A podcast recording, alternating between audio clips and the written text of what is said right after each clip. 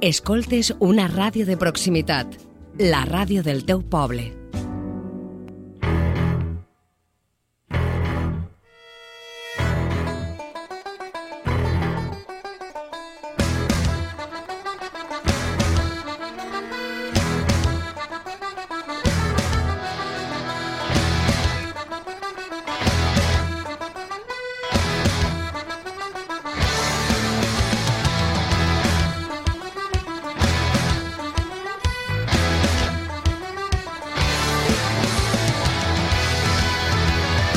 Bona nit a totes i tots, si ens escolteu, a l'emissió en directe de Ràdio Godella i salutacions a la resta d'oïdors i oïdores de la xarxa i de les nostres plataformes digitals. Sona una setmana més este programa que t'apropa cosetes xules de cine i sèries i que avui ve carregaet d'actualitat que esperem vos agrade. Pugem el volum a la sintonia i que comence Sinestèsia.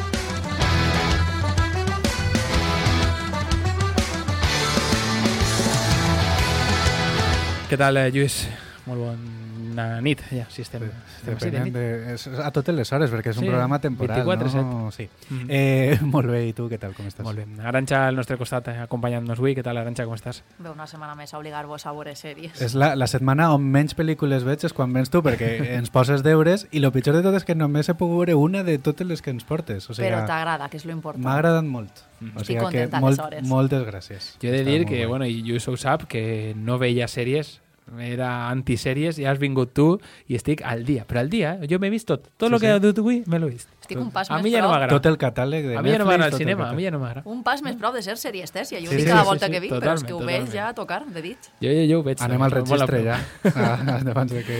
Avui anem a parlar de, de moltes coses, sobretot de sèries en aquesta segona part, però primer anem a posar-nos un poquet al dia de l'actualitat i ens n'anem a Mèxic. Lluís, què te pareix? Molt bé. T'agrada? Eh, sí, si fora literalment i no... Encara t'agradaria sí, més. Però bé. Bé, concretament anem a viatjar avui eh, en esta primera parada de sinestèsia a Baixa, Califòrnia, perquè allà té lloc la primera pel·lícula que tractarem avui. Comentem amb la seva autora de Gigantes, l'última pel·lícula de la valenciana Beatriz Sánchez. So what do you want? Hmm? What do you want in life? I don't know. I want everyone to die. Wow. It's your birthday, sweetheart. And Una jove nord-americana sense un dòlar a la butxaca decidís iniciar un viatge cap a Mèxic on vol retrobar-se amb un antic amor. Sense encara haver eixit del país, una xiqueta s'unís a esta aventura fugint de la seva acomodada família i amb l'excusa de juntar-se amb el seu pare, també a Mèxic. La parella iniciarà una travessa per l'àrid Mèxic, descobrint secrets d'elles mateixes i amb un final, ja avancem, emotiu i tendre. I per a parlar d'este viatge, avui tenim el plaer de contar amb la seva directora, amb la valenciana Beatriz Sanchís, que presenta amb esta de Gigantes la seva segona peli. Ja està disponible a la plataforma de Filmin i volem eh, dir-li eh, hola i benvinguda a este programa Beatriz Sanchís. Eh, molt bon dia, moltíssimes gràcies per atendre la telefonada de Sinestesia. Un placer, la verdad, un placer estar con vosotros en Sinestesia y placer saludaros. Torna a Mèxic a estar present, Beatriz, a, a la teua nova pel·lícula d'una manera diferent a, a Todos están muertos, això sí. Com, com planteges este viatge a la pel·lícula? Sí, la verdad es que eh, todo, cuando yo hice Todos están muertos no estaba viviendo en México, está rodada en Madrid, pero ya tenía como cierta influencia mexicana y después me he pasado siete años viviendo en México y esta película es fruto de pues todo ese tiempo que he pasado allí. Y sí, efectivamente, bueno, es un viaje que transcurre desde Los Ángeles a, Baja California, que está en México, y, y- y transita desde Los Ángeles, el desierto de California y el desierto de Baja California. Y bueno, como dices, fue como una road movie para, para la peli y para todos los que estábamos ahí, porque eh, estuvimos en dos países y cinco ciudades y éramos un convoy que recorríamos el desierto. I és fàcil, difícil, eh, poder rodar una road movie com esta, amb dos països pel mig, viatges, vehicles diferents. Com va ser rodar-la a nivell de producció? Bueno, sencillo no, no, no fue, evidentemente. Puedo decir que casi todo el presupuesto de la película pues se fue en, en los viajes, evidentemente, porque estábamos viajando constantemente y luego tampoco fue fácil para mí porque la película está rodada en inglés y en español, pero mayoritariamente en inglés y bueno, dirigir en otro idioma pues también tiene un plus ¿no? de dificultad y un plus de trabajar con, con actrices eh, como mm, la que, la que hace el personaje de JJ, que no era una profesional, era lo primero que hacía, y con una adolescente que había hecho una peli antes, pero bueno, eh, todo, todo sumava, todo sumava dificultat al projecte. en tota road movie, el viatge és una excusa per arribar a un punt final, sempre descobrint-se a un mateix no? durant el camí. Eh, tot té molta rellevància durant aquest viatge, però sobretot el paisatge, no? que va evolucionant, eh, com van evolucionant eh, dos protagonistes. Bueno, era la idea, ¿no? Como de ir como de un núcleo urbano superpoblado, que es Los Ángeles, a ir desprendiéndose de, de toda de toda civilización, ¿no? Y como dejar a estos dos personajes perdidos en la inmensidad del desierto y que solo se tengan la una a la otra, ¿no? Y que se agarren la una a la otra como para sobrevivir.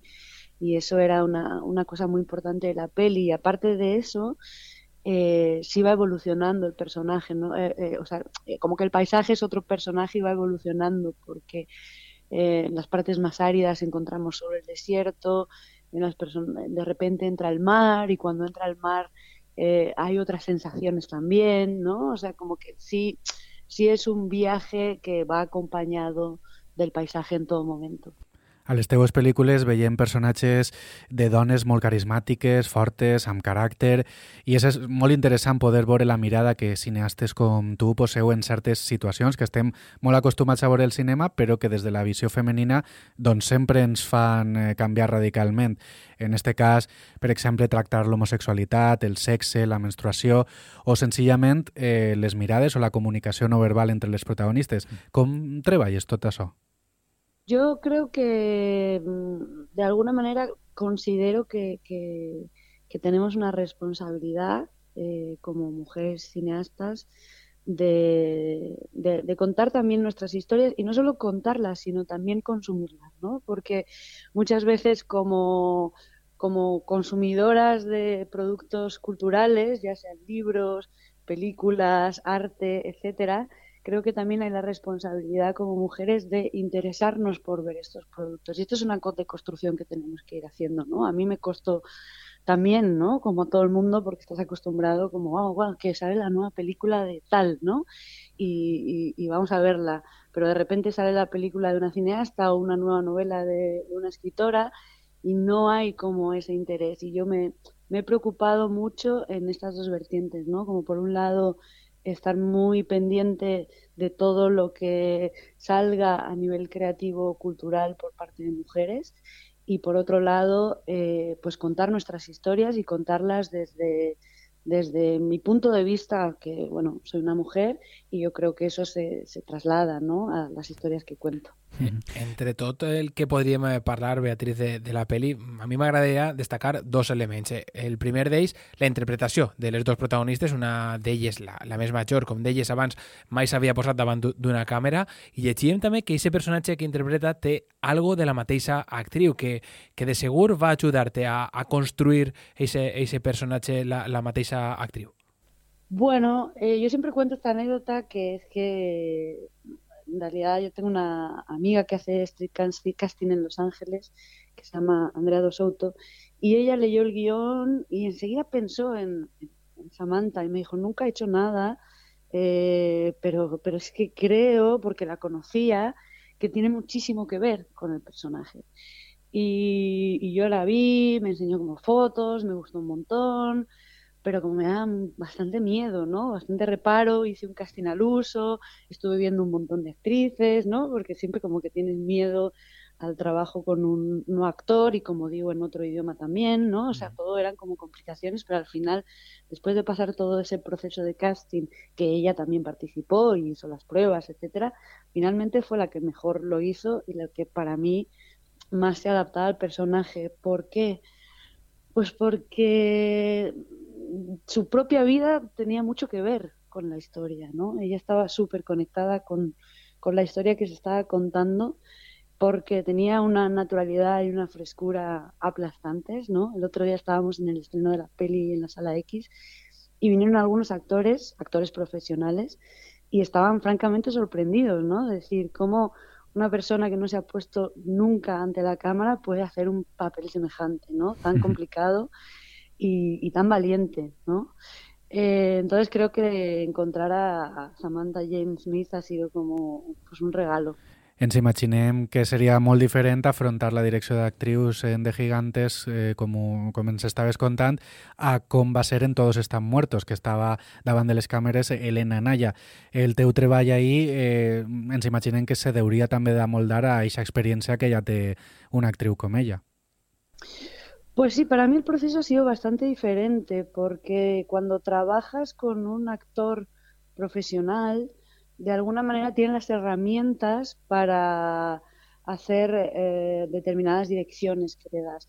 Pero con Samantha el proceso ha sido totalmente diferente, porque yo en realidad lo que estaba buscando todo el rato es que no intentar no dirigirla, o sea, todo lo contrario, ¿sabes? Sino que intentar que se sintiera cómoda para que fuera ella misma en todas las situaciones, porque por eso la, la elegí, ¿no? Porque ella se adaptaba perfecto al personaje y entonces el trabajo fue justamente eh, no eh, dejar que, que, se expresara en su máxima en su máximo esplendor y, con su, y, que su personalidad eh, pues lo impregnara todo, ¿no? Entonces fue, fue un proceso un poco a la inversa en este caso.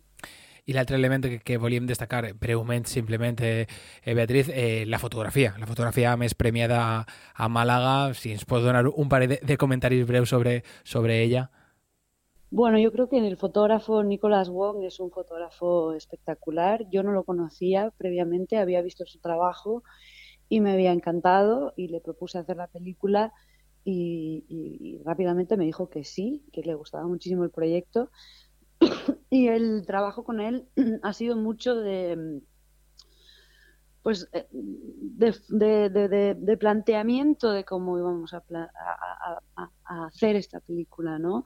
Desde el trabajar con la luz natural, con una cosa muy cruda, apoyada como en unas lentes específicas que nos dieran cierta textura, eh, y luego también la puesta en escena, ¿no? Cómo, cómo, cómo iba a ser esa cámara. Si esa cámara yo quería que fuera como un poco más un espectador que está ahí, ¿no? No tan participativa, ¿no? No tan no estando encima de los personajes ni ni imprimiendo opiniones, sino como un espectador que está ahí mirando todo eso. Y, bueno, pues eh, trabajamos entre los dos estos, estos dos aspectos y, bueno, luego el talento maravilloso de Nico que, que, tiene cosas fantásticas, porque por ejemplo hay una cosa que es que, no, no, nos planteamos mucho, pero yo haciendo el, el etalonaje, el color de la película, me daba cuenta de lo plástico que era el frame, ¿no? Y eso no te pasa mucho, o sea, eso es como de una técnica exacta que tú tienes que saber cómo exponer el frame perfecto para que luego ese frame tenga plasticidad y lo puedas tocar. Porque cuando tú lo empiezas a tocar y no tiene plasticidad, se nota, se ensucia y yo creo que es un frame muy, muy puro y eso es causa de la maravillosa técnica que tiene Nicolás. Que cosa més curiosa. Bé, o sigui, estem aprenent molt amb tu. Dir de, de, de, de Gigantes que, que ja se pot veure a Filmin, que es va gaudir a, Màlaga, també a la Mostra de València. Així que ens queda preguntar-te per la teua ciutat, per València. Tens, eh, la tens en la memòria? Te, te veurem rodar així en un futur ara que la comunitat valenciana està tan, tan de moda com a ser de, de rodatge? Que mira que si vols de ser mexicà per ahí pel sud hi ha paratges eh, pareguts, eh? Yo, yo creo que ya desierto mexicano ya ya hemos tenido bastante. Ya, ya que cambiar, ¿no? sí, fíjate que ahora después de, volver de México y estar siete años allí viviendo y como pues, muy lejos, no solo de mi país, sino de Valencia, eh, tengo en mente un proyecto que estoy escribiendo para rodarlo justamente en Valencia. Entonces, me encanta que me hagas esa pregunta porque estoy deseando poder rodar ahí muy pronto. Bé, Beatriz, però ja que ho has deixat Home. caure, eh, t'hem de preguntar. Eh, podem saber alguna cosa més d'este nou projecte que tindrà lloc, eh, com dius, així a València? Ens fa moltíssima curiositat. Eh, pues sé que es un poco pronto para hablar de esto, Vale. pero evidentemente tiene que ver con, con- con mi vida, con mis raíces, con los- mis vivencias, ¿no? En el, en el tiempo que viví allí, eh, que tiene más que ver con la infancia y la juventud, y va, va un poco por ahí. Doncs eh, ahí queda esa, esa quasi exclusiva que, que ens ha fet. sí. Eh, Beatriz, Beatriz, la veritat que moltíssimes gràcies de veres eh, per tot allò que ens has ensenyat de, de la teua experiència eh, amb de gigantes. Gràcies pel teu temps, moltíssima sort en el teu pròxim eh, projecte i esperem foret de nou pronte per així, per, per València. Moltes gràcies. Gràcies, adeu. Muchas gracias. Ya, como has dicho, eh, pues es la única oportunidad de ver la película, está en la plataforma Filmin y también, como has dicho, la gente que quiera se puede echar una sesión doble maravillosa viendo la primera y la segunda.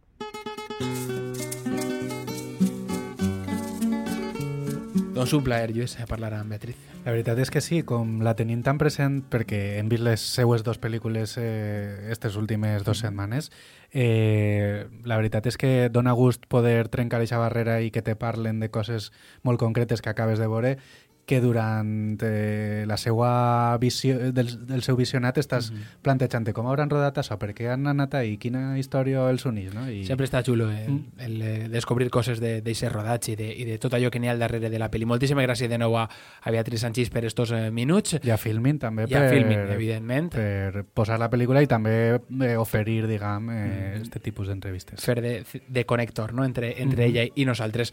Eh, què te va parecer, ja que estem? Eh, anem a comentar-la breument, eh, Lluís.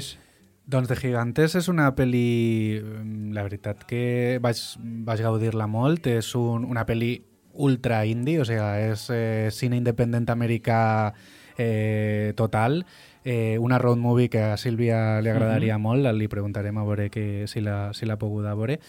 Eh, crec que també és un salt endavant eh, en la carrera de Beatriz Sanchís eh, respecte a la seva primera pel·lícula de Todos están muertos eh, representa eh, crec que una major solvència com a directora, crec que és una pel·li molt més rodona, molt més madura, eh, també transmet com més professionalitat, com a que hi ha més feina al darrere, més pressupost també segurament, i, i, i per això també ha tardat uns quants anys des de la primera a la segona, han passat anys, i, i és un, una història que no crec que no hagin vist mai, vull dir, en aquest sentit, crec que el seu major valor no crec que siga l'originalitat, però tot i així, encara que siga una pel·li de lugares comunes que en molts aspectes, crec que està molt ben feta i crec que els personatges eh, són molt entranyables i, i, i és molt fàcil empatitzar amb ells. Que... A mi la, la comunicació entre les dos eh, protagonistes me, va parecer eh, meravellosa, perquè moltes vegades no necessitaven el que a vegades eh,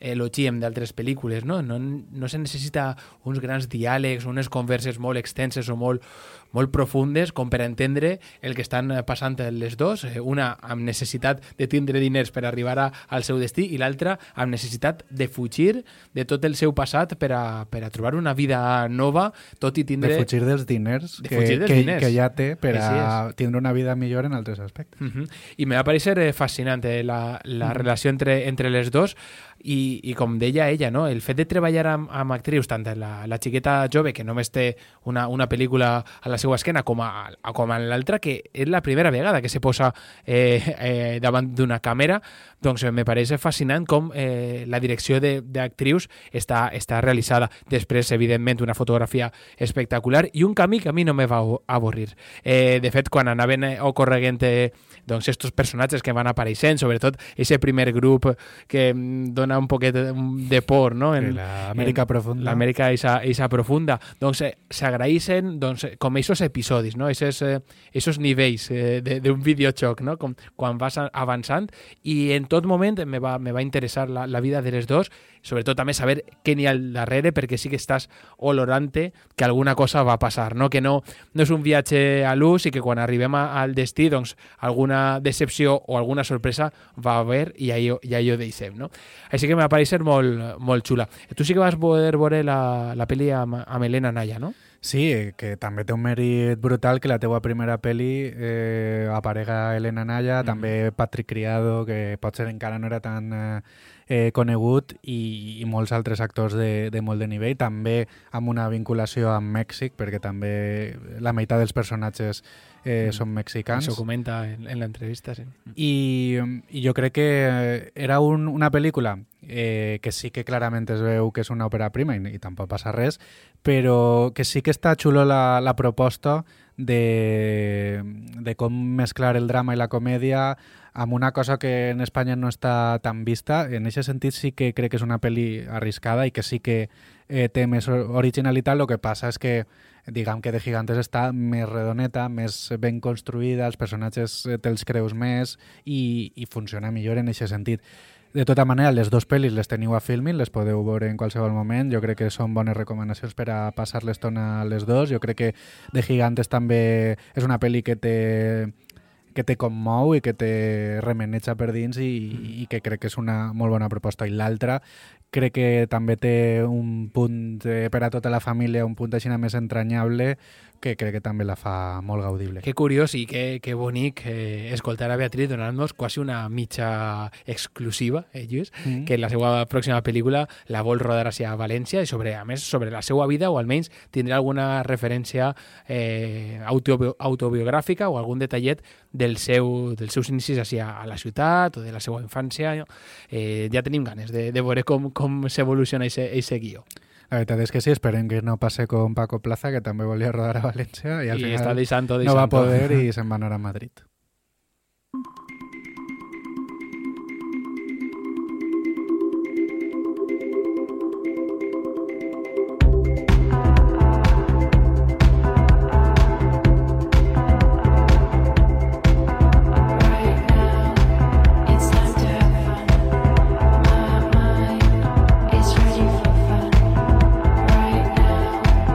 Doncs eh, continuem breument amb les estrenes de la setmana, que tenen, a més, a sabor valencià també, així que ja veureu el que arriba a les pantalles este divendres. Hola, ¿necesitas ayuda? No, lo de ponerme en medio de la carretera es un truco que uso para conocer gente. Me gusta tu humor. Ya son 125 los heridos de vida. Mi mujer ha tenido un accidente esquiando. Tu mujer estaba en el alud. ¿Tienen juntos? No, no, no, mi mujer también está ingresada. aquí. Laura Sánchez. Venga, hombre. Eh, no, no, no, está bien. Hay dos Laura Sánchez. Laura Sánchez y Laura Sánchez. Oh, oh no, No, esa no es la mi mía. mujer, mi no, mujer la es esta. ¿Cómo? Doncs eh, Mari 2, eh, entre parèntesis, el 2, Mari 2. Que quede clar. Que quede clar. És un joc de paraules així eh, curiós. La nova pel·li de la traiguerina Lucía Alemany, directora d'aquella gran òpera prima La Innocència, que crec que ha sigut la pel·lícula més esmentada en este programa en els últims, en els últims anys i que mm, no sé si el canvi és de 180 graus, però sí uns quants graus de, de canvi, de, de diferència, per a rodar ara esta comèdia protagonitzada, com escoltàveu, per Paco León i per Ernesto Alterio i a més produïda per, per Telecinco. Sí, la veritat és que sorprèn. Ja ens va dir fa uns anys en una entrevista que, que el seu pròxim treball no tindria aquest setxell d'autoria com la innocència, sinó que seria un encàrrec, però, clar, mai penses que vaig a ser una pel·li que canvie tant la teua visió de, del món. I també és difícil saber fins a quin punt hi ha coses de Lucía Alemany en una pel·lícula aixina, perquè és Jo molt le vaig a difícil. buscar quan la Nosaltres l'anem a veure i anem a, a intentar eh, descobrir on està ahí el setxell de I passar-ho bé, de que Gemma. millor ho passem bé. Són dos homes que reben la telefonada d'un hospital, la seva dona està ingressada després d'un greu accident i quan arriben a l'habitació, com heu escoltat, doncs s'adonen que la dona és la mateixa, o així pareix, no? S'havien casat amb una persona que havia estat vivint dues vides eh, paral·leles. Que què passarà després quan desperte la dona? Doncs eh, no sabem, hem de, hem de Però veure-la. i la dona eixa en què treballa? Vull dir, qualsevol persona que tinga una jornada laboral normal ja és difícil dur una vida avant. O sigui, aquesta dona com ha pogut tindre dos? I quin sou per a mantindre dos famílies? Que això és una cosa que a mi m'interessa. Si Però ja... té dos treballs, veus? Ja, però és Antes, complicat. eh, I sous no dividits. m'ixen el- A mi no m'ixen els comptes. Jo vaig esperar-me. A mi els números del temps, eh? És un, no sé. A mi m'ha descol·locat perquè en el tràiler hi sent dos dones que se diuen igual, una que té la cara totalment destrossada i altra que no, i aleshores les do, els dos diuen que la que no té la cara destrossada és la seva dona. Eh, I després, doncs, sí que és esta història, no? que, que la seva dona tenen una vida paral·lela perquè comparteixen, comencen a veure en el mòbil doncs, que és la mateixa dona, que ha estat vivint com això, no? Do, dos camins. Però a mi me- m'ha descol·locat perquè aleshores l'altra dona amb la cara destrossada, que també se diu igual, que ningú vol que siga eixa la seva dona, qui és? Jo crec que També seria molt l'història de Telecinco, que al final eh, tot siga per a no Un estar en la dona amb la cara destrossada, perquè, clar, eh, ells vol vol- estar- Volen estar en la guapa. Això seria molt Uf, Telecinco i sí. molt... Una història increïble, la veritat. Cine espanyol en estado puro, no sé. Això, ese gir sí que no me, no me l'espere. Bueno, això ho has dit tu, jo és que no, no, no vist ni el tràiler. No, no, és que ho dic per lo que jo tret del tràiler. No, m'ha quedat un poquet, m'he quedat un poquet descol·locat. Bueno, quan anem a veure-la? O sigui, Demà. reserveu ja. Demà mateix Les anem. butaques. Jo me vaig esperar a la vostra crítica, pense. Sí? Pense que esta no serà la que No te anem la a veure jugues? junts. No te la jugues? A priori no. Igual la pròxima que anem Sí, a pot ser comentar. que la pròxima, la, la, la, per lo men, almenys ho anem a passar bé. Eh, de fet, abans de parlar d'aquesta pròxima, dir també per la gent de, dels Babel, perquè són dos pel·lis prou de, dels Babel i que, evidentment, tot el respecte i que estaran superxules, el Kaftan Azul del Marroc, que han parlat superbé d'ella, i Sick of Myself de Noruega, que va estar a Cannes l'any passat Mhm. i que han parlat molt, molt, molt bé d'ella. Eh?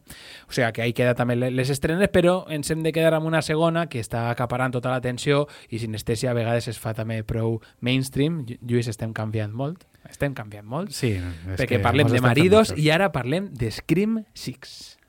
Vamos a jugar a un juego.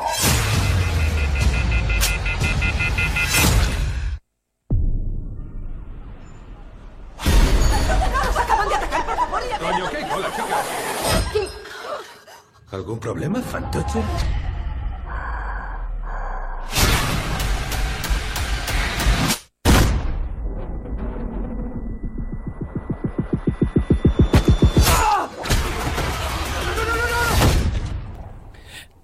Six. He dit eh, Scream 6, que- com si jo fora com així. si Sí, sí. hagués estat involucrat en la producció de la pel·lícula. No som molt de, de seqüeles nosaltres, això de que se allarga i tant la cosa, a vegades ja com que ens avorrís. Bueno, no són seqüeles, són sagues i Sí, bueno, clar, antologies, seqüeles, sí. Ja, o quasi homenatges o, o, o no sé al, al final perquè no sé ja què queda d'autoria d'aquell screen primer més enllà de la careta de, i de, de la broma del telèfon no? que això és com que, que se queda. Bueno, sí que queda una altra, una altra cosa que és la pròpia Courtney Cox que, que continua en esta sisena en esta sisena part. I bé doncs eh, res, Scream 6 eh, té bona, la gent que l'ha vist eh, sí que l'està alabant prou molt millor que la 5 que recordem que vaig ir fa res, uns mesos que Però la 4 també estava molt bé, o sigui, que és una sèrie que... O sigui, Que és una, una saga, sí i una no. Clar, que pot ser infinita, així. Sí, a més, en eixa 5 hi ha Jenny Ortega que, que continuarà en esta, en esta sisena i que és un poquet la, la protagonista junt amb altres personatges i res, eh, jo he llegit que més que un slasher és més un who done it, eh, el gènere este de a veure qui, qui ho ha fet, un, un cluedo i bé, jo crec que ho passarem bé. Això ho hem de preguntar a Terrible Visió, a veure què, què pensen. De, Doncs sí, els compis, de fet, ja l'hauran vist, o sigui, tindran ahí eh, prioritat. agradat? Ah, que els ha agradat molt. Ah, sí. Ens està dient Jordi que ja han parlat d'ella i que, i que se l'han ficat en vena, no? Vaig a dir en vena en vez de lo que m'has dit tu, si te pareix bé. Però, eh, val, pues aleshores, si els ha agradat a ells i a elles, jo crec que hem d'anar també. Eh, ens fiem 100% Vale, pues perfecte. Doncs ella ha fet un poquet el repart de- d'estrenes i haver parlat amb Beatriz Sanchís. Ara sí que ens n'anem a parlar de sèries amb Arantxa.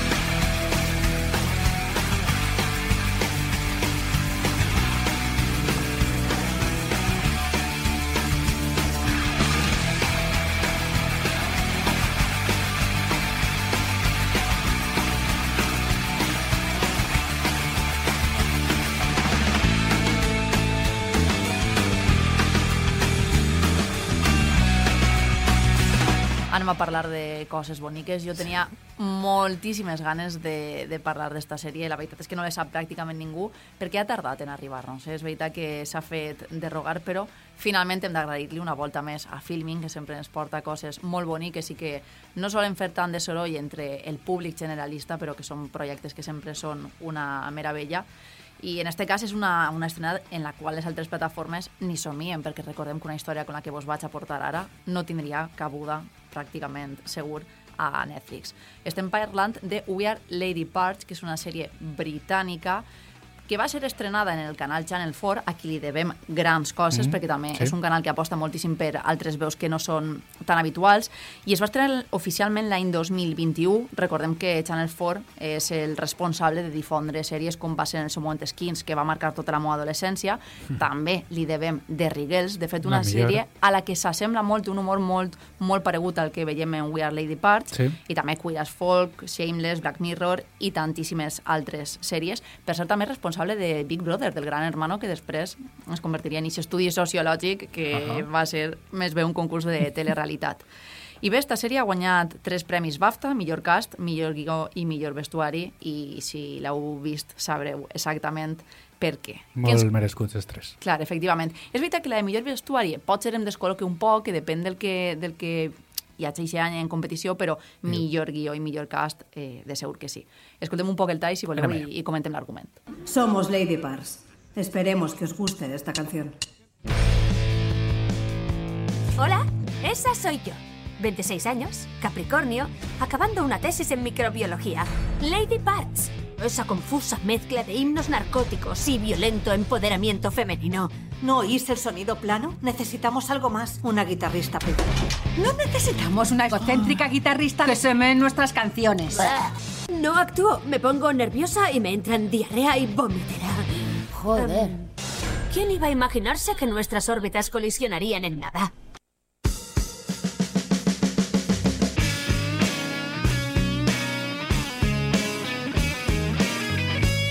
Aquesta cançó que estem escoltant és una cançó original de la sèrie. Una de les millors coses que té esta sèrie, i en són moltíssimes, és que les cançons, excepte una, han sigut totes eh, composades originalment per la creadora i les seues pròpies germanes per a, per a la sèrie. Brutal. I ara Perquè estan xulíssimes. És que són Jo les vull en Spotify. Jo vull de veritat el disc físic d'aquestes ties i posar-me'l en ma casa i fer el punk rock a saco mentre neteja. Per què parlem de punk rock? Perquè esta sèrie parla d'això, eh, centra en un grup de joves musulmanes que eh, decideixen muntar una banda de punk rock i que tenen moltíssimes ganes de passar-ho bé i de fer el que més els agrada. Què pot eixir malament si tenim aquests ingredients? La veritat és que res, perquè a més hem de sumar-li que la responsable de barrejar tot això i de convertir-ho en un èxit és Nida Mansor, que pot ser no tinc encara molts projectes propis, de fet este és el primer que està començant a ser més conegut, -huh. però que sí que ha treballat en episodis de Doctor Who, aleshores és veritat que ja té cert rodatge en això de fer sèries. I escoltarem la veu d'Amina Hussein, que és la protagonista. És veritat que és una xica model, és doctorant de microbiologia, està obsessionada en complir este decàleg de la bona dona musulmana, busca un home, vol tancar este compromís. És a dir, sí que reprodueix un poc aquests estereotips als que estem acostumats a veure quan representen a una dona musulmana.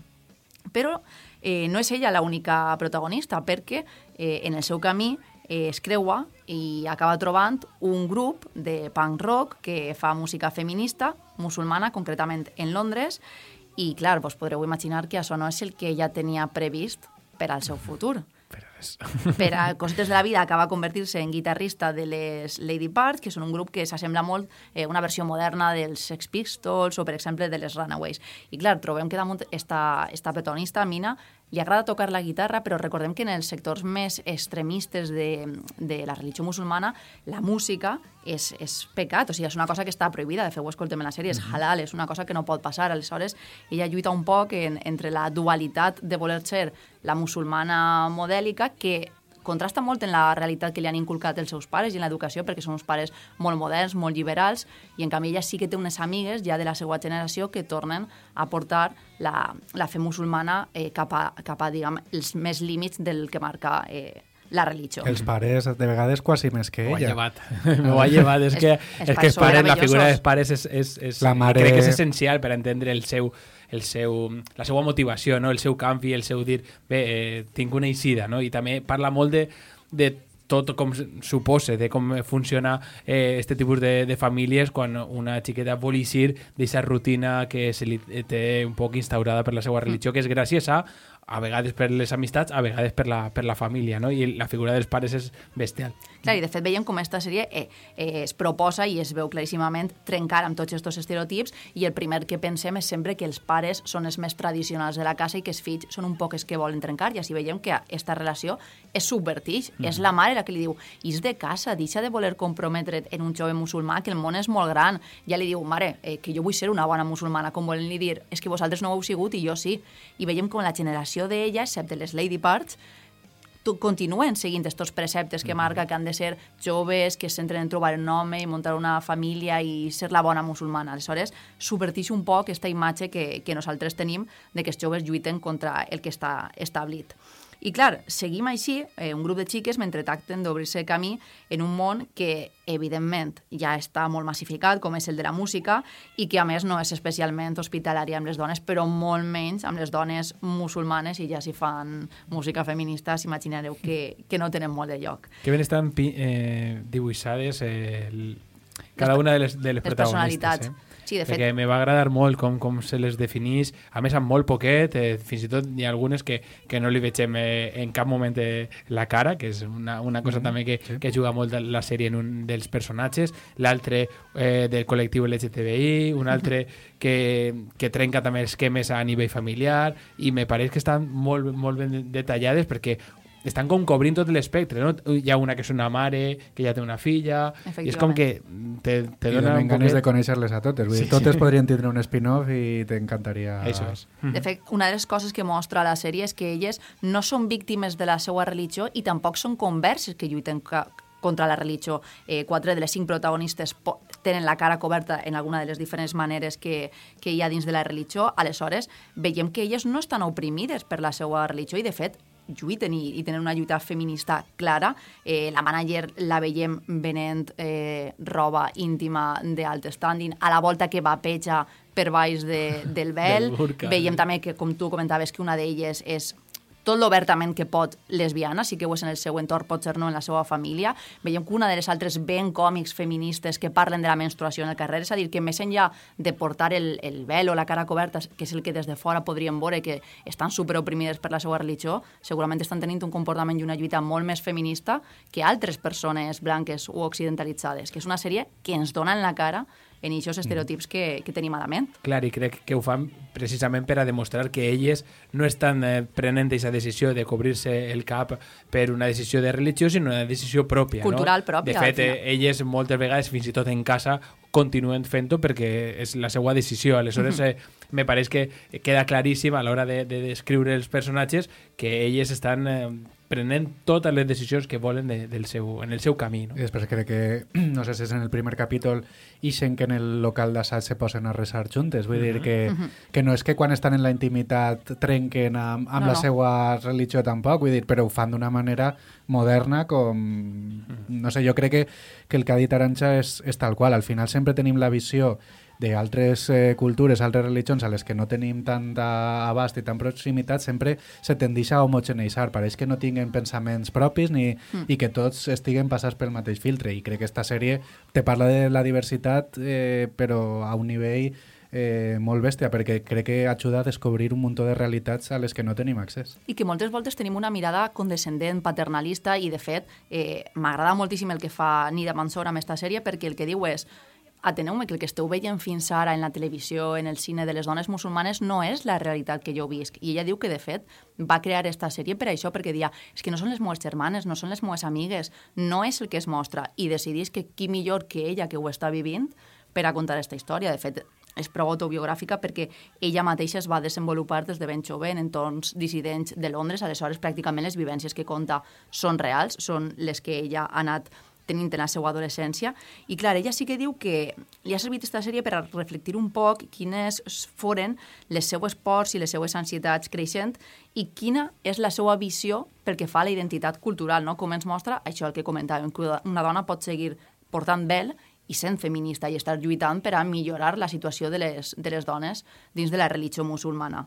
I clar, mm m'agrada molt aquesta sèrie perquè és això, o sigui, jo en tot moment l'estava mirant i a banda que m'ho estava passant increïblement bé, que sembla que quan et, et presenten davant coses en les que, a les que no eres propera o que, o que no coneixes perquè no tenim així a l'estat espanyol la religió musulmana tant a tocar-nos, és a dir, en els nostres entorns cohabita i coexisteix en nosaltres, però no és tan habitual que la tinguem en els nostres entorns en el que ens relacionem.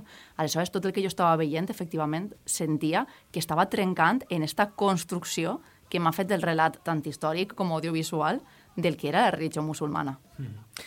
A mi va agradar eh, molt la sèrie i ja no només per el contingut que, que conta, que està, està molt xulo i com hem desenvolupat en estos minuts, sinó també la, la forma. M'agrada molt com se pinta també el personatge central o el, la, la bio, bio... que és, la biòloga, és microbiòloga. La microbiòloga, la microbiòloga que sempre té en cada un dels capítols un moment de somni, un moment de fantasia i que també està un poquet descrivint aquesta innocència que té este, este personatge que viu un poquet entre el món món de la realitat, que és la, eh, allò que se li està imposant, i aquest món, o, diguem, utòpic, que pareix que, que només somia, no? i que, que a través de la, de la imatge doncs el representa així. Tenim molts moments molt xulos en què de repent s'obri el fons de, del set en què estem veient l'escena, no? la seqüència, i comencen a succeir altres coses totalment eh, fora, de, fora de lloc, o el moment en què canta a càmera, a mi se traveling eh, cap, a, cap endavant, que és...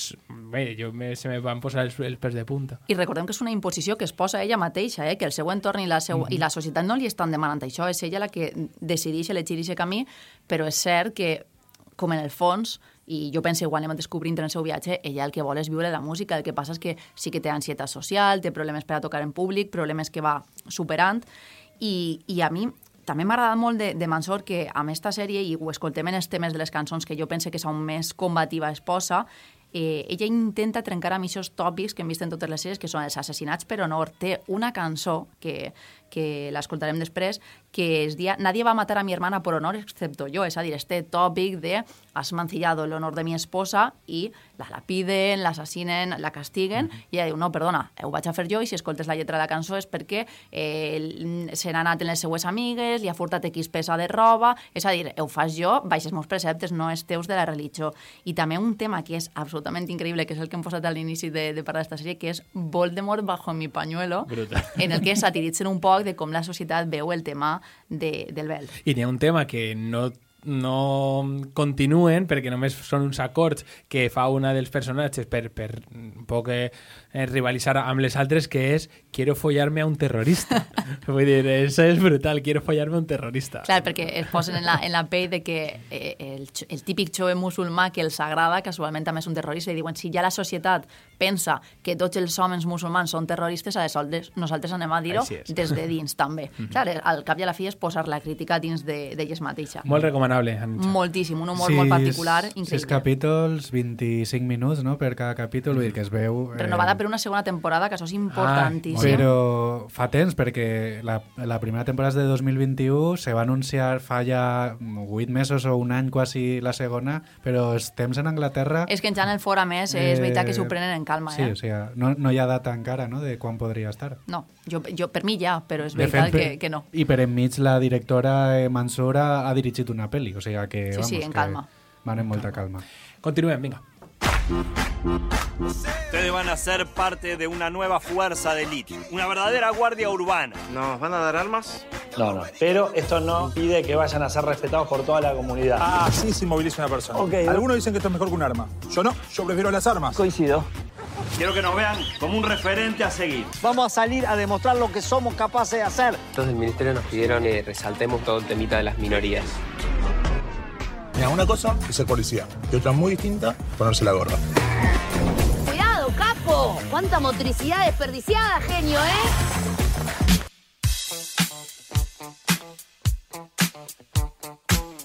Parlem ara d'una sèrie argentina que arriba a la plataforma, que es cola entre el més vist, seguint un poc l'estel que en el seu moment va, va tindre El Marginal, que és una sèrie completament diferent, però també era de producció argentina. I en esta ocasió estem davant d'una comèdia que reflexiona i qüestiona un tema que sovint és motiu de grans baralles en les xarxes socials, que és el de la correcció política i els límits de l'humor. I, a més, no ho fa de forma gratuïta, perquè això és una cosa que jo li he d'agradir molt a aquesta sèrie, perquè posa eh, en el punt de mira la diversitat, la integració i la representació, però ho fa des del punt de vista crític que moltes voltes eh, també li exigim a les marques, no? de com arriba el mes de març i tot, ara era morat i tots som superfeministes i som aliats, arriba juny i tot LGTBI i banderes per tots els jocs, però la realitat és que no són canvis reals, és penjar-te una enganxina i dir soc superaliada eh, endavant. I aquesta sèrie critica un poc això. És veritat que vivim en un món on el tema de la desigualtat està molt present i també es lluita per la representació, però clar, no cal solament representar, cal representar bé. Mm. I que passi és on va la crítica que planteja molta ironia i una sàtira molt feroce Divisió Palermo. Mm. Què ens conta esta sèrie? Esta sèrie ens explica eh, com la policia de la ciutat de Buenos Aires crea una força especial per a netejar la mala imatge que té, per una banda, la policia i, per altra, la ministra de Seguretat que ve eh, de patir, bueno, de patir, no?, perquè en realitat ha fet unes declaracions racistes i tal i qual, i la forma de netejar, de rentar la seva imatge ha sigut crear aquesta divisió on a priori eh, van a crear un cos de seguretat perquè no és policial, no és armat, per a que van a tirar-los als carrers, bàsicament per a que gestionen el trànsit i poc Un més. protecció civil. Un protecció civil, però jo crec que encara ha vingut a menys, o sigui, crec que encara és pitjor. Sí. Bueno, però tenen sou, que protecció civil, que jo sàpiga, crec que no, no tenen sou. O sigui, que encara que siga molt poquet, però crec que sí que li paguen algo, no? Sí, m'imagino que no serà gran cosa, però eh, és, una, és un aspecte real, és a dir, quan el creador de, de la sèrie que a més és el protagonista, eh, Santiago Korovsky, mm. va decidir crear això, va ser perquè ell en un moment era molt crític en el govern de Buenos Aires, estaven tenint una situació molt, molt convulsa, i es va apuntar a un sorteig per a veure, ser, ser testimoni presencial de com es cremava droga en la ciutat. Li va tocar el sorteig, ell va anar, ho va enregistrar tot, o sigui, el vídeo va fer un reportatge i ja està, i ell dia que això era un paripé, és a dir, que en cap moment, de fet, ho arriba a preguntar si no els van a deixar obrir els fardos de coca i com a mínim veure-la, provar-la un poc per a saber que és real. I clar, ell denuncia que gran part del que fan els, els, el, el Ministeri i el govern i els polítics és un renta d'imatge i que realment no té res de, de realista. Que bona. I això és el que veiem. Veiem una, una, la divisió en Palermo, que en realitat el que troben que és una bona situació és portar a, els, a un representant dels col·lectius minoritzats de Buenos Aires. Uno de cada, eh? Uno de cada. I tenim una persona major, tenim una dona en cadira de rodes, una dona trans, tenim un xic que és colombià, peruà, realment, Peruà, realment no recordo, peruà, i que no sabem si està per còmic o per peruà. O sigui, no t'ho deixen massa clar. És que és monologuista. És ser monologuista. Aleshores, jo consideren que també és un col·lectiu minoritzat. tenim... Què més tenim? Però tenim un una, sec, pers una un persona sec, invident, mm, una persona eh, amb sobrepès, Eh, una persona de talla baixa. una persona de talla baixa, una persona que porta una pròtesi... Aleshores, és I el cons- protagonista, I que el és protagonista, que Joel. en realitat el que li passa és una de les meves màximes pors, que és que jo arribo a una comissaria a fer una denúncia i em, em confonguen per una policia. Això és de les coses que més poden donar a mi la vida. A ell li passa, ell va, li han robat el mòbil, l'han acomiadat de la faena, la seva parella l'ha deixat i Però va... té pinta de policia. El tema és que té cognom xueu. Aleshores el troben minoritzat i diuen, tu, en realitat vens a fer el càsting, no? Sí, pa dentro. Pensava que era com quan Pablo i jo anem al Fes Jo, que pareixen policies infiltrats. Ja, jo tinc molta por de que este any me passa això, la veritat. Penso Te que estic ja passar, en eixe te target. va passar.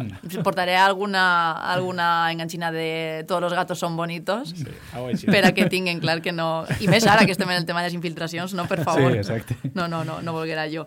I bé, veiem este protagonista que es veu un poc envoltat en esta situació, que el tiren al carrer, eh, que en, la, en el primer moment de servei troba que es carreguen el seu company de patrulla i diu, espera, és que ens han tirat, ens han tirat als carrers, eh, no ens han donat cap tipus d'ajuda, la policia mateixa ens fa un bullying i un assetjament increïble, i m'agrada moltíssim d'esta sèrie que és una crítica que és veritat que juga molt en els límits de l'humor, però que ho fa sempre amb, amb, amb una crítica real. És a dir, cap dels acudits que escoltes, i en són molts i són molt divertits, tot i que puguen semblar ofensius ho són, perquè sí que tenen darrere esta voluntat de criticar el que s'està fent des de la política i des dels cossos de seguretat, en este cas en concret, en Buenos Aires. Mhm. És eh, divertidíssima. Jo mm, ja havia dit Borja Cobeaga, un gran eh, guionista de- Mhm. d'esta d'esta terra, que, que va dir que era la seva sèrie preferida dels últims anys, i és que té tot els, tots els ingredients per a, per a agradar-li a Borja Cobeaga i, i per agradar-nos a nosaltres, i Lluís, eh, te la recomanem moltíssim.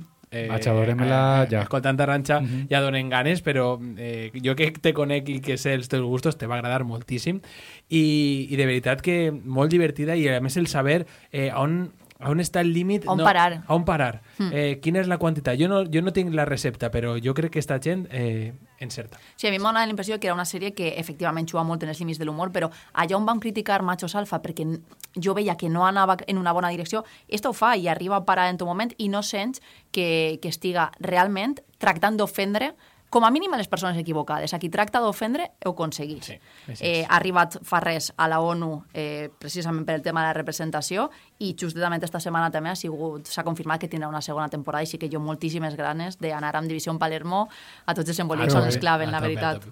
Eh, ens queden uns minutets, eh, així que, Arantxa, el, tenim dos títols més, els Parla- comentem? Comentem breument. Sí. Eh, quan va començar el 2023 jo tenia moltíssimes ganes de parlar de- d'esta sèrie. Era una sèrie musical, jo sou molt fan dels musicals. M'havia llegit el, el llibre de Taylor Jenkins Reid. Aleshores tenia moltíssimes ganes de veure Todos quieren a Daisy Jones i ara anem a escoltar el seu tall. ¿Puedo hacerte una pregunta? ¿De qué crees que va la canción? ¿Que ¿De qué creo que va la canción? ¿La canción Sí, que ¿de he qué compuesto? va la ¿Crees que no canción? sé de qué va la canción que he escrito? Va de empezar una nueva vida, Daisy. Se trata de soñar con algo que sea diferente. No pares.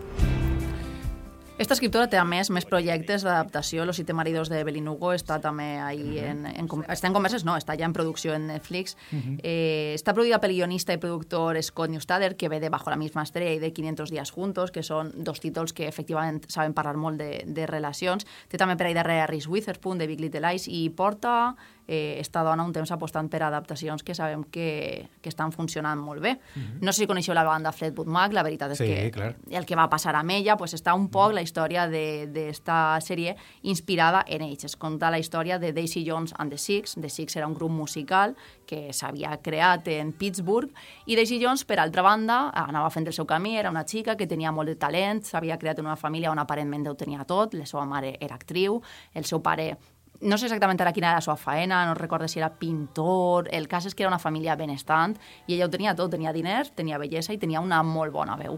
El que no tenia era el recolzament dels seus pares, que això és la típica història americana, la xica de pueblo que trabaja de camarera para pagarse la carrera de medicina. O sigui, és la típica història que ens conten. I què passa? Que arriba un moment en el que els dos camins, els dels de Six i els de Daisy Jones, Se junten. col·lisionen. Doncs eh, a mi me va aparèixer una... L'he vist els tres primers capítols. Per cert, he de dir-ho, eh? He de dir-ho. Amazon Prime, jo no vaig a defensar a les grans plataformes, No, per favor, eh? eh? Pablo, però a és que que xulo és donar-li a pausa Ho sabia que anaves a dir i això, que és t'aparega la cançó que està sonant en eixe moment. I els els actors i actrius que i la cançó. La banda sonora, que no és d'anar-te amb el Shazam a veure què està sonant. Hauria de ser copiable per, Per les favor, plataformes espavileu. perquè és molt útil per a la gent que li agrada buscar després info. En este cas, la protagonista, més, parlant dels actors, eh, sorprèn perquè és Riley Keough, que és neta d'Elvis i Priscilla Presley, és a dir, que porta el món de la música i de l'actuació dins, i l'altre protagonista, Billy Dune, és Sam Coughlin, a qui jo recordo els Jocs de la Fam, i és veritat que no l'acabe de veure del tot en el paper. La, banda, la, la sèrie té una banda sonora espectacular, de fet, han, Original, han no? editat un vinil, efectivament, que brutal. es diu Aurora, que és absolutament increïble, i les cançons eh, les han composat persones molt reconegudes del món, com és el cas de Mar Marcus Manford dels Manford and Sons Ahà. o Phoebe Bridgers, i porta Que un guai. poc tota aquesta estètica i este rotllo dels anys 60 a Los Angeles, i Mm. la veritat és que jo el vinil me'l vull posar en vena, com has dit tu abans, no vaig a dir la frase exacta que pensava. Està xulíssima, eh? No la tenim sencera encara, banda- important això. Clar, va, això està xulo, perquè són, la primera tirada van ser tres, ara este divendres i serà altres tres. Mhm. Jo m'he vist els tres primers i la veritat és que a mi sí que si entres dins del món i t'agraden els musicals directes, no els falsos eh, musicals que a vegades No de que pen- estàs en el no que se parc simula i de comences repente que- salses i cantes. sinó que són concerts i tal, està xulo. Sí, perquè no ho hem comentat, però eh, està rodada com un fals documental. El que passa és que eh, Daisy Jones and the Six arriba en un moment al seu màxim èxit, plenar en un dels estadis més grans en el moment, i després de fer aquest concert sold out, decideixen retirar-se. Ningú entén per què acabaven de d'estar eh, número 1 en les llistes dels més venuts, dels més escoltats, i decideixen retirar-se. 20 anys després, el grup es torna a juntar per a fer un documental en el que ens conten què els va portar a esta separació. Això al. País Valencià ho va fer Orxata i no veig que s'estiguen fent falsos documentals. Pues mira, Perquè espavila. possiblement encara no ha posat els diners que ha de posar-los. Pues mira, Mm. quin projecte més xulo, eh? Sí. Ahí lo dejo. Ahí lo dejas, molt ben, molt ben tirat, eh, Lluís. Eh, no tenim temps per a més, però hem de dir-ho, perquè anem a posar deures i jo vull veure la que és la recomanada. Nacho. Nacho, la sèrie inspirada en el famós actor porno o actor de cine per adults, d'Enguera, català de naixement, però valencià pràcticament d'educació i d'adopció, interpretada per Martiño Rivas, i que vos he dit que ha sigut una sorpresa. Estem en un moment a l'estat espanyol molt de biopics, i és veritat que este és, és, té, té un humor divertit, Sí? eh? Sí. A mi m'ha donat un poc de, de perea. Primer Martiño Mm. Rivas, perquè el relacione amb, amb eh, com era la sèrie aquella de L'Internado. i és que ho feia fatal el pobre. Crec que ha millorat, però és que uf, era un Es poc que aquell era Martín Rivas, ahora Ya. ya es el nuevo Ah, Martiño. Martín. Martiño, independentista galego, poca broma, fill Sí, sí, d'un sí, activista molt important. Sí. A Tres Player, això sí, en els biopics ha dit eh, el tema de lo que és la caracterització, que s'assemble en treballar en vestuari i maquillatge, això els dona Això igual, ja t'ho imagines tu, i la, el treball més gran en esta sèrie de- d'interpretació, la veritat és que el fa el propi actor fent eh, una tonalitat i unes expressions més de xuloputes, que és bàsicament el que era Nacho Vidal en, en eixa època. Recordem que va comprar un terreno supergran en Enguera perquè volia fer la mansió Playboy a la valenciana. Y al final van a acabar eh, Eh, con- lamien- chupa- chupando sapos. lamiendo sapos. Sí, la veritat, cositas. Cadascú Això té sí, el en la seu sèrie. El momento Ha- de chupando ha- sapos jo és- tiene que salir. Ha d'eixir, no hi ha altra. Es que, yo, claro, yo doy Cara, per fe a- que la serie se hace para arribar ese para momento. arribar a ese momento. Ahora se ha evolucionado, ¿no? Ahora el otro día vaig estar escoltant que, que ja no creu en el porno, que és tot... Ara ja no és xaman. No, o no, ara i que- s'està que- centrant en el ser xaman a tope. S'està centrant en que és bona persona, crec, ara. Per a no ser actor porno, t'he de dir que en el primer capítol eh, ix ell mateix com a doble dels seus 25 centímetres d'actuació i talent. O sigui, que Ai, no és, no és Martiño Rivas, ja vo- vos ho dic. Ah, vaig a posar-me-lo. si no vos apetís veureu eh, l'últim minut del primer episodi, directament passeu-lo perquè el que aneu a veure són els 25 centímetres. Ah, en no, no, ja, ja que te poses, eh, ja te poses, te Que poses. t'entre per el ull, no? Home, clar.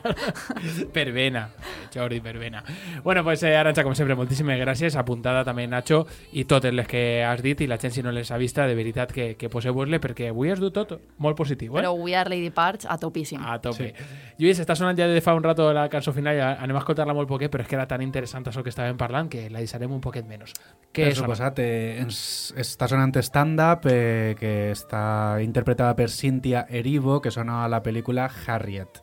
eh, ens la recomanava Jorge, York eh, B97, per Twitter, o sigui que moltíssimes gràcies per este temazo. Doy gracias a Jorge, a Jorge y, a, la resta de, de personas que ens escolteu cada setmana. Aranxas ens en un mes, en quatre setmanetes, i Lluís, la setmana que ve no estarem, eh? No. Que fem falles, nosotros Sí, som molt falleros. tu vas a estar ahí a tope, a tope no? les falles, ja sabeu que ni les xafe. I, jo, i Lluís està en la vila o algo això. No, tant de bo. Oh. Però, En dos setmanetes estem per així.